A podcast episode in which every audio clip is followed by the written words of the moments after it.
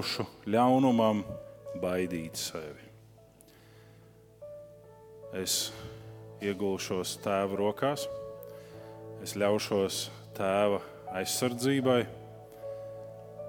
un es ļaušos tēva priekam. Jo Dieva vārds mums māca, ka tā kunga prieks, jeb prieks kungā, ir mūsu spēks, ir mūsu stiprums. Un tas nav tas tāds muļķīgais, varētu teikt, antiņa prieks, ka mēs ejam cauri dzīvei, atņirktiem zobiņiem. Ne par to ir runa, bet patiesa prieks Dievā par to labo, kas notiek. Un mēs sakām, kas tad labs notiek? Tur ir tādi ierobežojumi un tādas problēmas, un vēl kaut kas, un vēl. Un patiešām nekā laba nav. Šorīt no rīta kalpoja Jelgavā. Un pēc dievkalpojuma kāda māsa, kas ir diezgan spēcīgi atbalstījusi arī mūsu īpašo bērnu nometnes, saka, es cerēju, ka man tas aizies garām. Viņa man raksta pateicību par kalpošanu. Viņa saka, es cerēju, ka tas aizies garām. Bet šobrīd es mācos staigāt no jauna pēc Covid. Un līdz ar to mēs varam teikt, es pateicos Dievam par to, ka pat ja nosauksim to par nāves eņģeli, viņš pietuvojās manam namam, tad kungs viņu paņēma prom. Nē.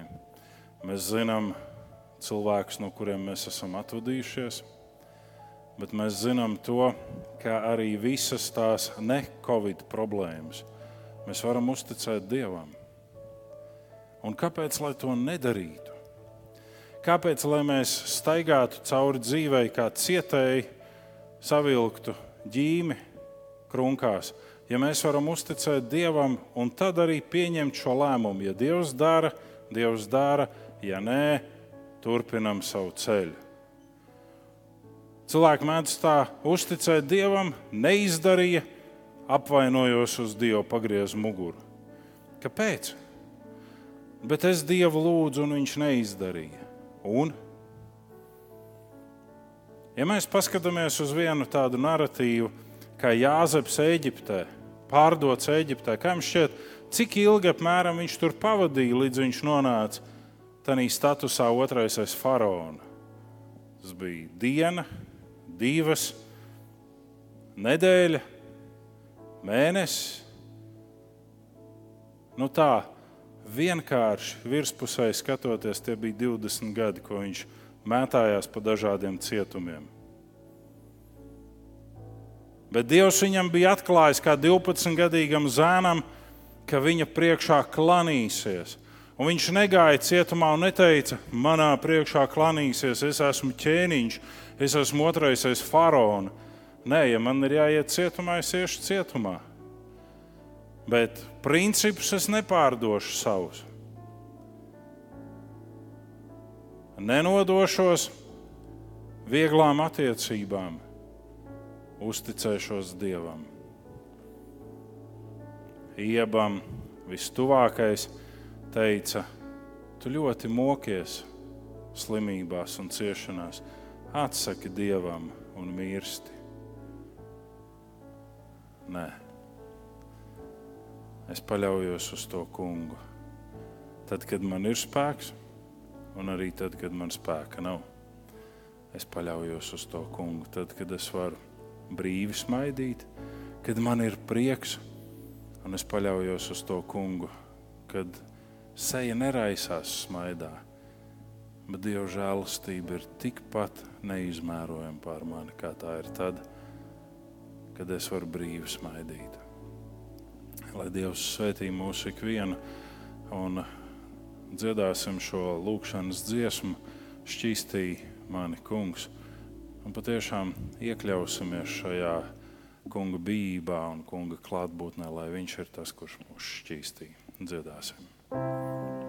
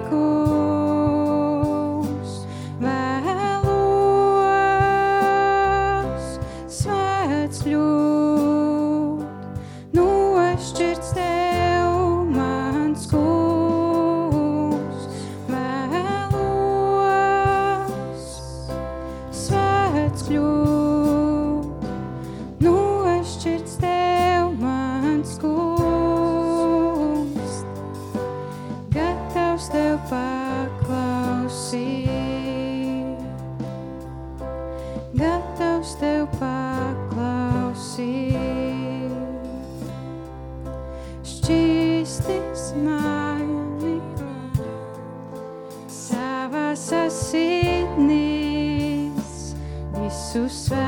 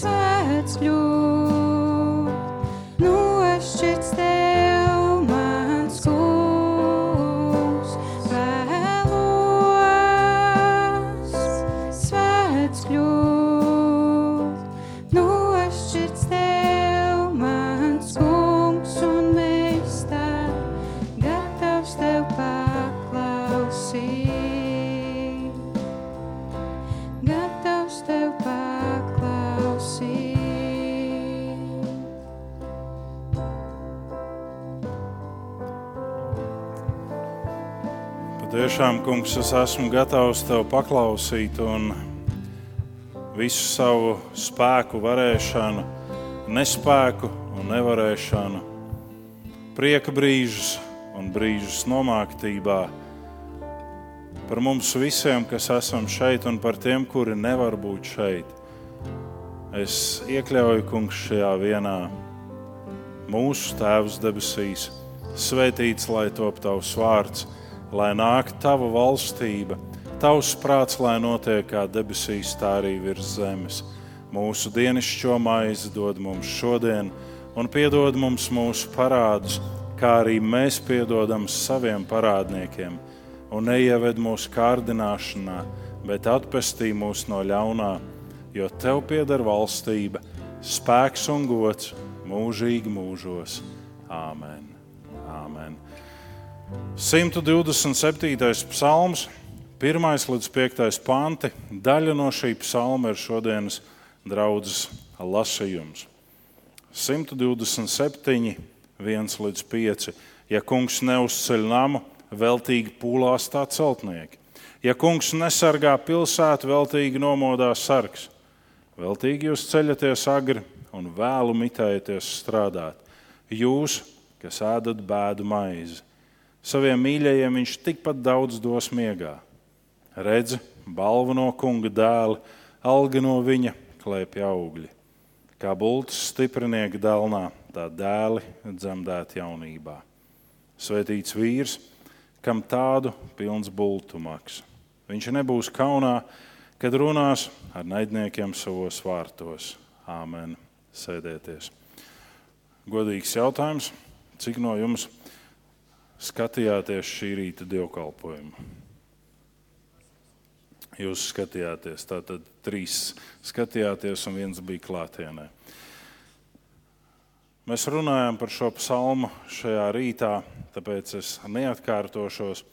Bet šis psalms runā par patieso nama cēlāju, par patieso celtniecību, par to žēlastību, ko dod Dievs un ko Dievs grib dot. Un šis psalms runā par to, kāda tam ir vērtība, ka jūs strādājat nenormētas stundas, un tāpat jums vienmēr ir kaut kas pa mazu. Kāda tam ir vērtība? Cilvēks saka, Es nevaru, man ir jāstrādā, un tagad visi tā strādā. Un tāpat pietrūkst. Kāda tam ir svētība? Es stāvēju tur, dziedājām, šķīstīja mani kungs, un es atcerējos tos laikus, kad maniem vecākiem bija izvēles iespēja vest mani uz baznīcu vai nē. Jo bija laiki, kad stāvēja pie baznīcas durvīm cilvēki un vēroja, kas tiek ievests baznīcā, kas nē, kas ieiet baznīcā, kas nē, jo pēc tam būs sankcijas. Skatoties uz manu dzīvi, pienāca brīdis, un tie vēl bija padomju gadi, kad manas skolas gaitas zināmā kolektīvā beidzās, jo tā brīža audzinātāja paziņoja ļoti vienkārši, vajadzētu iet vairāk tev bībeli lasīt baznīcā, nevis te mūsu pionierus maitāt. Manam brālim, kad tika uzstādīts jautājums, vai tu būsi komjaunietis, un viņa atbilde bija nē, tika aicināti vecāki uz skolu, un bija garas un ilgstošas pārunas par šo jautājumu. Un pēc tam vecākus sauca darba vadītāji un teica, jūs saprotat, ja būs spiediens mums no augšas, mums nāksies jūs atlaist. Tas draudēja. Bet neviens no viņiem netika atlaists. Neviens šīs sankcijas neturpinājās. Bija, bangoja jūra, bet tad tā jūra norima. Visticamāk, kāds pateica klusu mierā. Ja kungs neuzceļ namu, ja kungs nesvētī ģimeni, ja kungs nedarbojas līdzi, ja precīzāk sakot, ja mēs neusticam kungam darboties un neesam viņa darba biedri, tad velti mēs pūlamies tad vēl te mēs strādājam un ēdam rūpju maizi, jeb bēdu maizi, kā šeit teikts. Vēl te mēs valkājam maskas, ja kungs nesargā mūs no vīrusa. Es nopietni to saku, nevis ķengājoties par jums. Es esmu valkājis maskas visu laiku un izslimojis Covid. Kā? Man ir jāsāk ļauni domāt par līgu, kas šuva šīs maskas. Jo citas maskas es īsti neesmu licis, tad varbūt līgi iešuva tur baciļus iekšā. Bet varbūt vienkārši atstāsim šo mākslīgi radīto slimību mierā un atcerēsimies vienu, ka katrs mūsu galvas mats ir skaitīts. Gan tie, kurus frizieri nogriež, gan tie, kas izkrīt paši un paliek ķemē vai dušā. Reizēm, kad es paskatos dušā, es domāju, ka man un manai ģimenei būtu plikpaurība točna pēc tā, kas tur atrodas sifonā. Bet visi ir saskaitīti. Visi ir saskaitīti. Un neviens nenokrīt zemē bez dieva ziņas. Ja kungs pilsētu neapsargā, velti sargs ar nomodā. Velti. Un Jēzus saka, kas tad ir tā nama celtniecība? Tā nama celtniecība ir gauži vienkārša. Kas manu vārdu dzird un dara saskaņā ar šo vārdu, tas būvē namu uz stingra pamata. Un tajā brīdī, kad parādās šī principialitāte, kad mums ir jānostājas par principiem, Tas ir brīdis, kad mēs būvējam šo namu vai nē. Kad mēs sākam locīties līdzi visiem vējiem, vai mēs nesākam locīties. Tas ir tas brīdis, kad mēs vai nu uzticamies Dievam, vai nu neusticamies. Ko Dievs saka par tavu dzīvi? Zilnieks saka vienu lietu, astrologs saka citu, numerologs vēl kaut ko, bet ko Dievs saka par tavu dzīvi? Pēterim Jēzus teica, jauns būdams, tu pats sevi jozi un sēji un gāji, kur tu gribēji, darīji, ko tu gribēji. Šis psalms mazliet runā par to, kad es esmu jauns, tad es ieeju autoplacī un izvēlos mašīnu pēc krāsas. Šī ir ļoti skaista. Man pat ciekals saskrēja mutē, kā es gribu šo krāsas mašīnu. Bet varbūt tu tajā mašīnā pat īsti nevari iekāpt. Tas nekas krāsa. Logu tīrītāji un lampas tā kā atstiņas. Bet kas ir tehniski ar to mašīnu? Tas nekas krāsa. Tas ir tad, kad es esmu jauns. Tad es paskatos, kā es tā no pirmā acu uzmetiena iemīlējos un pazaudēju prātu. Un viss ir tagad skaisti. Putni čivina, taureņi lido, bērni dzimst kā kaķēniem. Tas nekas, ir labi. Un tad paiet laiks, un katram rokā par ungai viens otru mizo nost. Kur ir tā vērtība? Bet tad, kad tu paliki sanāks, Jēzus saka Pēterim, tad cits tevi jozīs. Tad, kad tu paliki sanāks, tad tu pavērtē to, ka vienalga, kāda tā mašīna izskatās no ārpuses, protams, ka grib, lai jau tā skaistāk izskatās, bet galvenais jau ir tehniski. Es jau nevaru tā kā Flintstones izbāzt kājas cauri grīdai, skriet un bremzēt. Ne? Galvenais jau ir tas tehniskais. Un galvenais jau laikam šodien ir tas jautājums, lai neviens nevarētu caur satelītu vadīt to manu mašīnu. Ne? Galvenais ir tas, vai kungs uzceļ šo namu, ko mēs saucam par ģimeni, vai mēs paši to ceļam. Vai mēs ļaujam kungam svētīt un vadīt šo namu, un esam viņa darba biedri, ja mēs esam tie, kas bakstam un stundam Dievu visā mūsu dzīves gājumā, un pēc tam apvainojam, ka viņš nerīkojās tā, kā mēs gribam.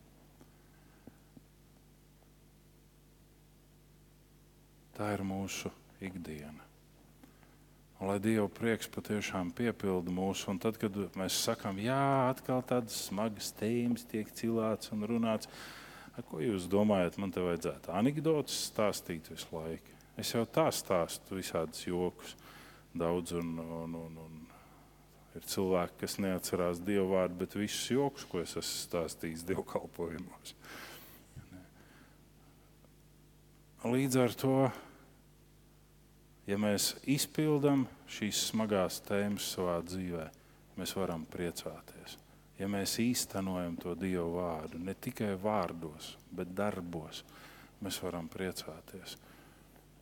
Vakardien runājot ar kādiem, kas gatavojas laulībai, mēs nonākam pie tā, ka es saku tam puisim, es saku, tu esi staigājis pa kapiem.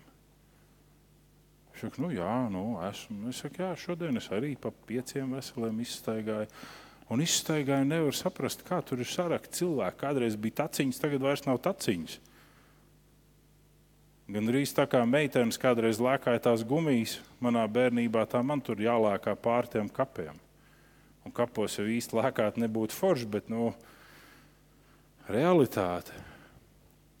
Saku, un tu zini, kas tur guļ? Nu, nu, cilvēki. Es saku, nu jā, un visi viņi bija neaizstājami. Savā brīdī viņi bija vienkārši top savā darbā. Vienīgie, uz kuriem viss uzņēmums turējās, bet tagad viņi tur guļ. Un viņiem ir bērni, un viņiem ir bērnu bērni, kuriem nebija laiks veltīts pienācīgi. Un tagad ir par vēlu veltīt laiku. Tagad viņi tur guļ. Ne? Jēzus saka vienkārši par šo faktu, kur ir tava manta, tur būs arī tavs sirds. Ja tava manta ir dievā, tad tavs sirds būs tur, kur darbojās Dievs.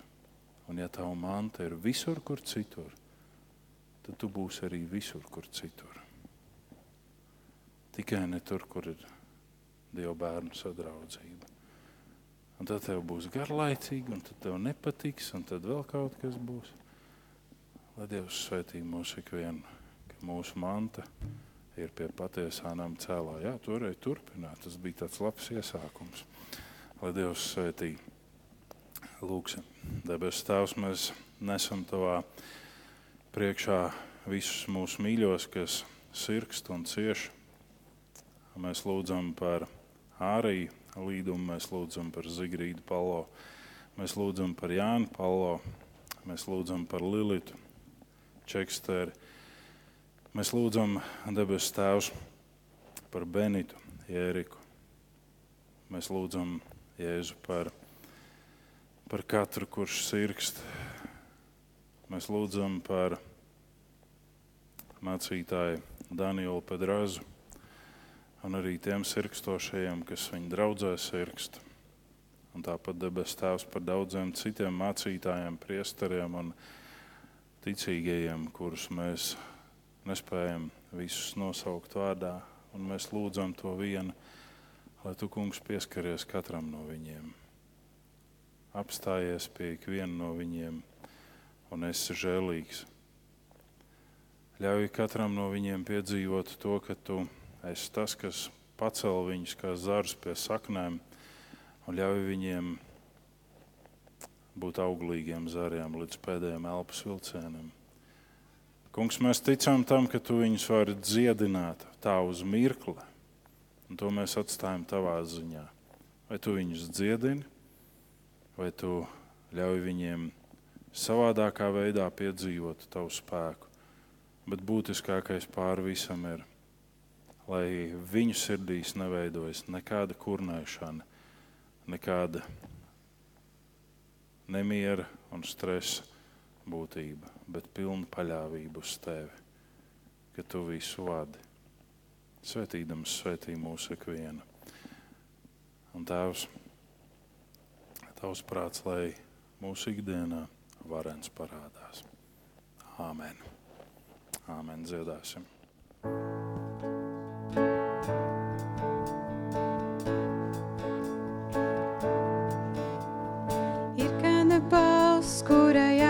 jādzird tev, ir kāda dziesma, kurai jāskan vēl, ir kāds vārds, kurš augstī godināms. Ir dārgums vērtīgāks kā zelts, ir valdnieks tronī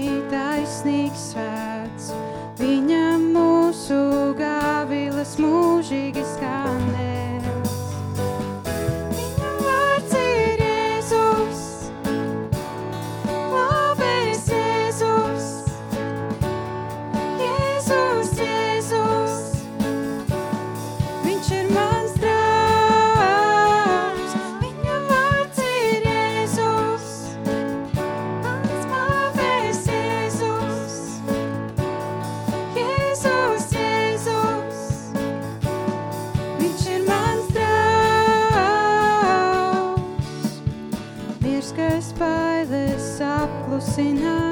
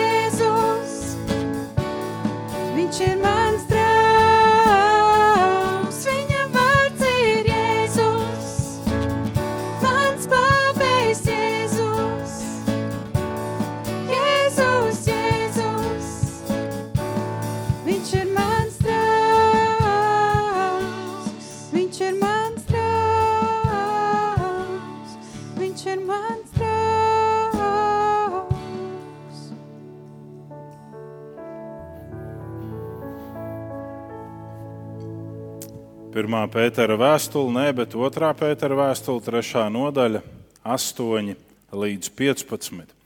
Otrā pētera 3, 8, 15. Lai jums, brāļi, nepaliek apslēpts tas, ka kungam viena diena ir kā tūkstoš gadu, un tūkstoš gadu kā viena diena. Kungs nevilcinās savu apsolījumu, kā daži domā, bet pacietīgi gaida uz mums, jo viņš negrib, ka kādi ietu pazušanā, bet grib, ka visi grēku nožēla atgriežas. Kunga diena nāks kā zaglis, tanī debesis ar lielu troksni izgaisīs. Pasaules elementi sadegdām izjuks, un zeme un visu, kas uz tās Dievs piemeklēs. Ja reiz viss tā ies bojā, kādiem gan jums vajadzētu būt svētā dzīvošanā un dievbijībā, gaidot un steidzinot dievdienas atnākšanu, kad debesis ugunī izjūgs un pasaules elementi ugunskvēlē izkusīs. Bet pēc viņa apsolījuma mēs gaidām jaunas debesis un jaunu zemi, kur taisnība mājo. Tādēļ, mīļotie, to visu gaidīdami, pūlieties, lai Dievs jūs atrod neaptraipītus, bezvainīgus un miera pilnus.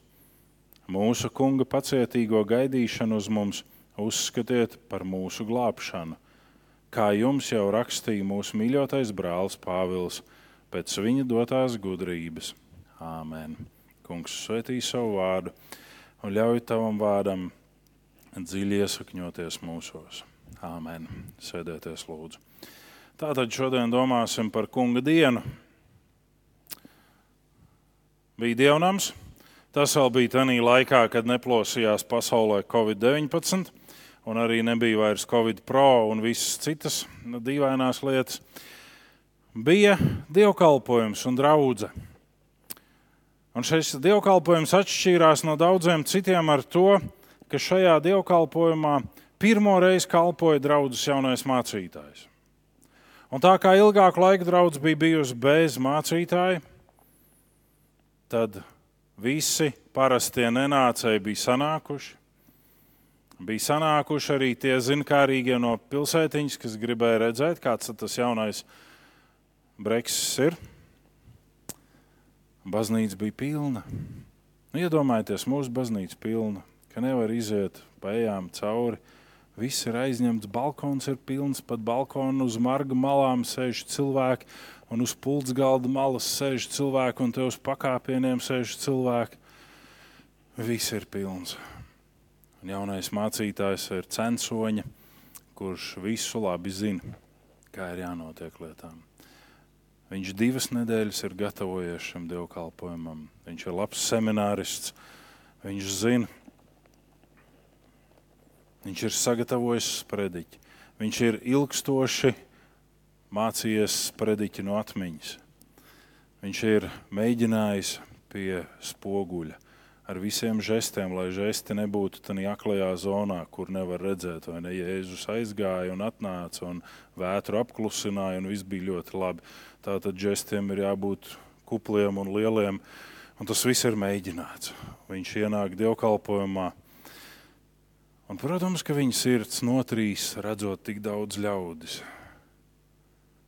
Un koris dzied, un dievkalpojuma vadītājs lūdz Dievu. Un viss ir tāda ļoti emocionāla gaisotne. Un mācītājs sāk savu sprediķi.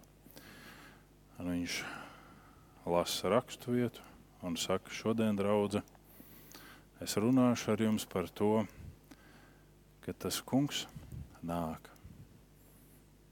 Un viņš sāk savu sprediķi sakot, tas kungs saka, es nāku drīz. Viņš saprot, ka viņš ir aizmirsis visu sprediķi. Nav nav faila. Bet viņam seminārā mācīja, ja tu esi aizmirsis, atkārto to frāzi vēlreiz, un tad vajadzētu atlikt visam. Un viņš atkāpjas mazliet atpakaļ. Sparīgi tojās kancelē, saka, tas kungs saka, es nāku drīz. Nav faila. Viņš atkāpjas līdz paaugstinājuma sienai, skrien klāt. Saka, tas kungs saka, es nāku drīz, un ar to spāru viņš pārveļās pāri ar visu kanceli, nogāžās zemē un vienai tantei klēpī. Viņš saka, piedodiet, mīļā māsa, ka es tā. Viņš saka, nē, nē, tu jau man trīs reizes brīdināji, viss kārtībā. Pēters saka, tas kungs nāk. Ir kāds iemesls, kāpēc viņš vilcinās, un tas iemesls esam mēs. Viņš saka ļoti interesanti. Viņš saka, ka Dievs negrib, ka mēs esam aptraipīti. Tanī dienā, kad viņš nāks pēc savas draudzes, viņš negrib jūs sastapt pelēkās drēbēs. Viņš negrib jūs sastapt nosmērētās drēbēs. Šodien cilvēki pamanīja, ka mans uzpūrnis ir mazliet netīrs. Es biju gribējis viņu vakar izmazgāt, bet man uz vecumu atmiņas zūd. Un es aizmirsu. Un man ir netīrs uzpūrnis mazliet. Un, un tas ir pamanāms. Un saka, nu, tu, tu, tu atnāc uz baznīcu un šitādu. Nu, š, š, tad sajūta, ka tu ar to pašu uzpūrni skūti šķipelējusi. Un kā tu, tu tā? Nu, nu, jā, nu es izmazgāšu, nu labi, es tagad nolieku, kamēr es runāju, man nevajag viss kārtībā. Bet tad tu nonāc Dieva priekšā ar tām baltajām drēbēm, ko viņš tev ir iedevis. Un tās ir netīras. Tas ir aptraipīts. Pēters saka, nu, tāpēc Dievs vilcinās, lai tās drēbes būtu tīras, lai tās drēbes būtu baltas. Vēl trakāk, apustulis Pāvils saka, un arī atklāsmes grāmatā par to ir runāts, lai vispār būtu drēbes. Lai nebūtu tā, ka nonākot Dieva priekšā būtu plikam jāskraida. Tu pa savu dzīvi blandījies kā tāds blandoņa, meklējis visu kaut ko, un tās drēbes ir kaut kur Lombardā ieķīlātas. Tas labs cēls drēbes, ka tu tāds balts drēbes nesās. Nē. Dievs grib, lai būtu šķīstība, lai būtu dievbijība, būtu svēta dzīvošana. Par to mēs lasām šeit. Un pirmais, pie kā mēs apstājamies, ir laiks, nav jāpielūdz. Cilvēki mēdz pielūgt laiku. Un cilvēks saka, vai laika nav? Laiks skrien. Nav jāpielūdz laiks. Ir jādara normāli, tik cik tu vari izdarīt. Un nav jāiet gulēt ar vainas apziņu, ka kaut ko nepaspēj izdarīt. Tas nav pareizi. Nav pareizi, ka tu aizej mājās no darba un tev ir sajūta, ka oh, tik daudz vēl palika neizdarīts. Tīri vai grēks iet gulēt pulkstenis 11. vakarā un celties 4. no rīta, lai turpinātu visu. Tik daudz jāpadara. Nevajag pielūgt laiku. Atcerieties, vienmēr dārzā paliks kāda neizravēta vaga. dārzā var palikt kāds nenokaļķots kociņš. Zaķim arī vajag graust kaut ko. Darbā arī var palikt kaut kas nepadarīts. Bet jautājums ir, kāpēc ir šī vainas sajūta? Un tam ir divi aspekti. Vai nu darba apjoms ir pa lielu, vai nu es esmu pa slinku. Ja es neesmu sliņķis, ja es dušīgi strādāju, tad varbūt darba apjoms ir pa lielu. Un Jēzus par šo situāciju saka, ka ēzelis mēdz sabatā iekrist takā. Bet ko darīt situācijā, ja ēzelis pārāk bieži sāk sabatā krist takā? Kā ir sabats tā ēzela sakā? Kā ir sabats tā ēzela sakā? Nu, tad ir divi varianti. Vai nu ezels ir jāpārdod, vai no aka jāizber. Ja darba apjoms ir pa lielu, tad ir vai nu jābūt sarunai par to, kā apjoms tiek samazināts, vai nu tad ir jāmeklē citi medīgi lauki, kur medīt naudu. Nav varianta, ja tev visu laiku iedzen vainas sajūtā, ka tu nestrādā pietiekami labi.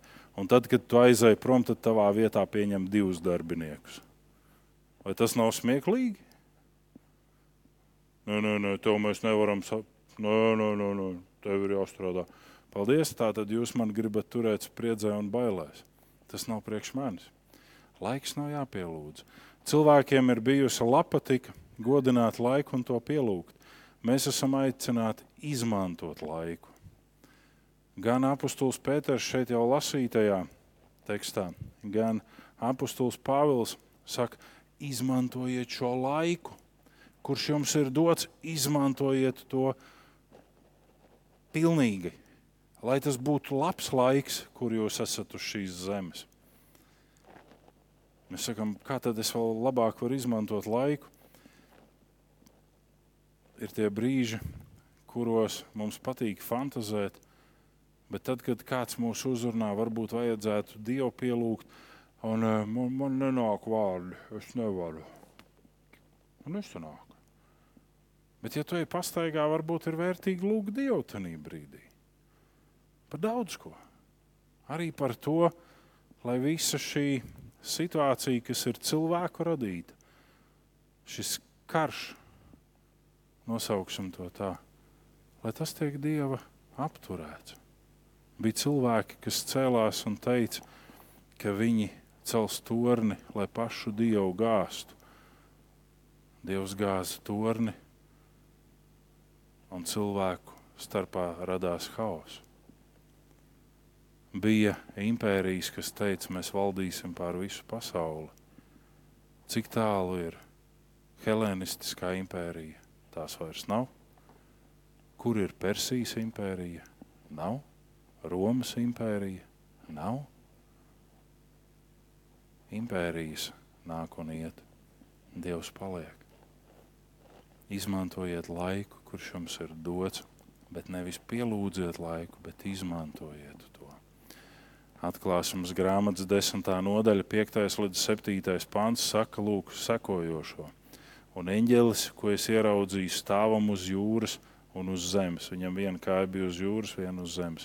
Pacēla savu labo roku uz debesīm un zvērēja tam, kas ir dzīvs mūžu mūžos, kas radījis debesis un visu, kas tajā ir zemi un visu, kas uz tās, un jūru un visu, kas tajā. Ko zvērēja šis eņģelis? Ko viņš pateica? Kādu zvērstu viņš deva? Es teikšu tikai taisnību nemelošu nekad. Ne, viņš teica, laika vairs nebūs. Nebūs.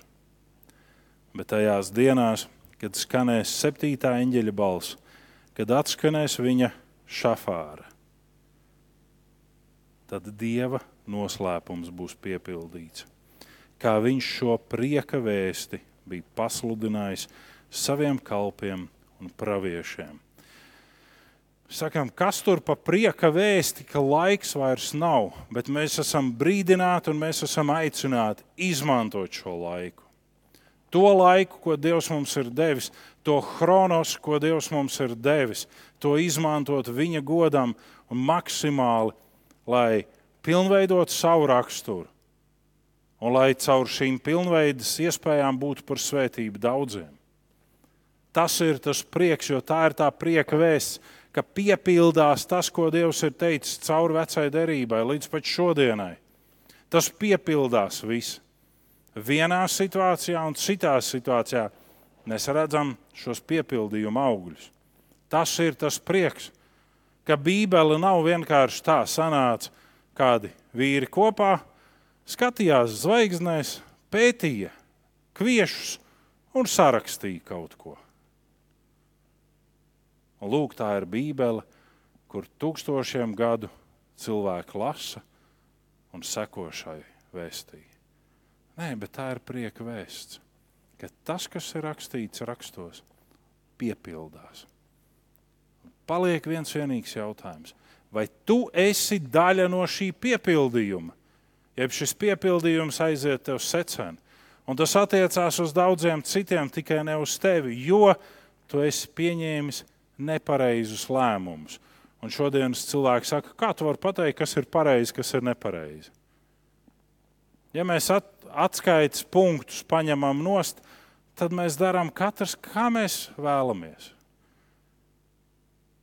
Es nesaprotu, kāpēc Latvijā vajadzēja tik daudz naudas investēt šajos fotoradaros. Nezināt? Ja vajadzēja manas automašīnas fotografijas, varēja samaksāt pielikumu pensijai, un pensionārs ar fotoaparātiem ceļā malā, lai fočē un sūta man tās bildes. Ja jau nav likumu, nav atskaites punkta. Ja neviens nevar pateikt, ka tas, ko es daru, ir nepareizi, tad arī es braucu kā gribu. Un tad neviens nevar pateikt, ka es braucu nepareizi. Piekrītat? Un ja es savu bērnu no bērnības neaudzināšu tajā, kas ir pareizi vai kas ir nepareizi, kas ir balts vai melns, tad kas tur beigās būs? Kur ir mana vecāka atbildība? Kur ir mūsu kā draudzes atbildība par tiem, kas pievienojās kā gados jaunāki? Apostols Pāvils, piemēram, saka Timotejam, man liekas, Timotejam viņš to saka, vecākas sievas tēmas savā dzīvē, mēs varam priecāties ja mēs īstenojam to Dievu vārdu, ne tikai vārdos, bet darbos, mēs varam priecāties. Vakardien runājot ar kādiem, kas gatavojas laulībai, mēs nonākam pie tā, ka es saku tam puisim,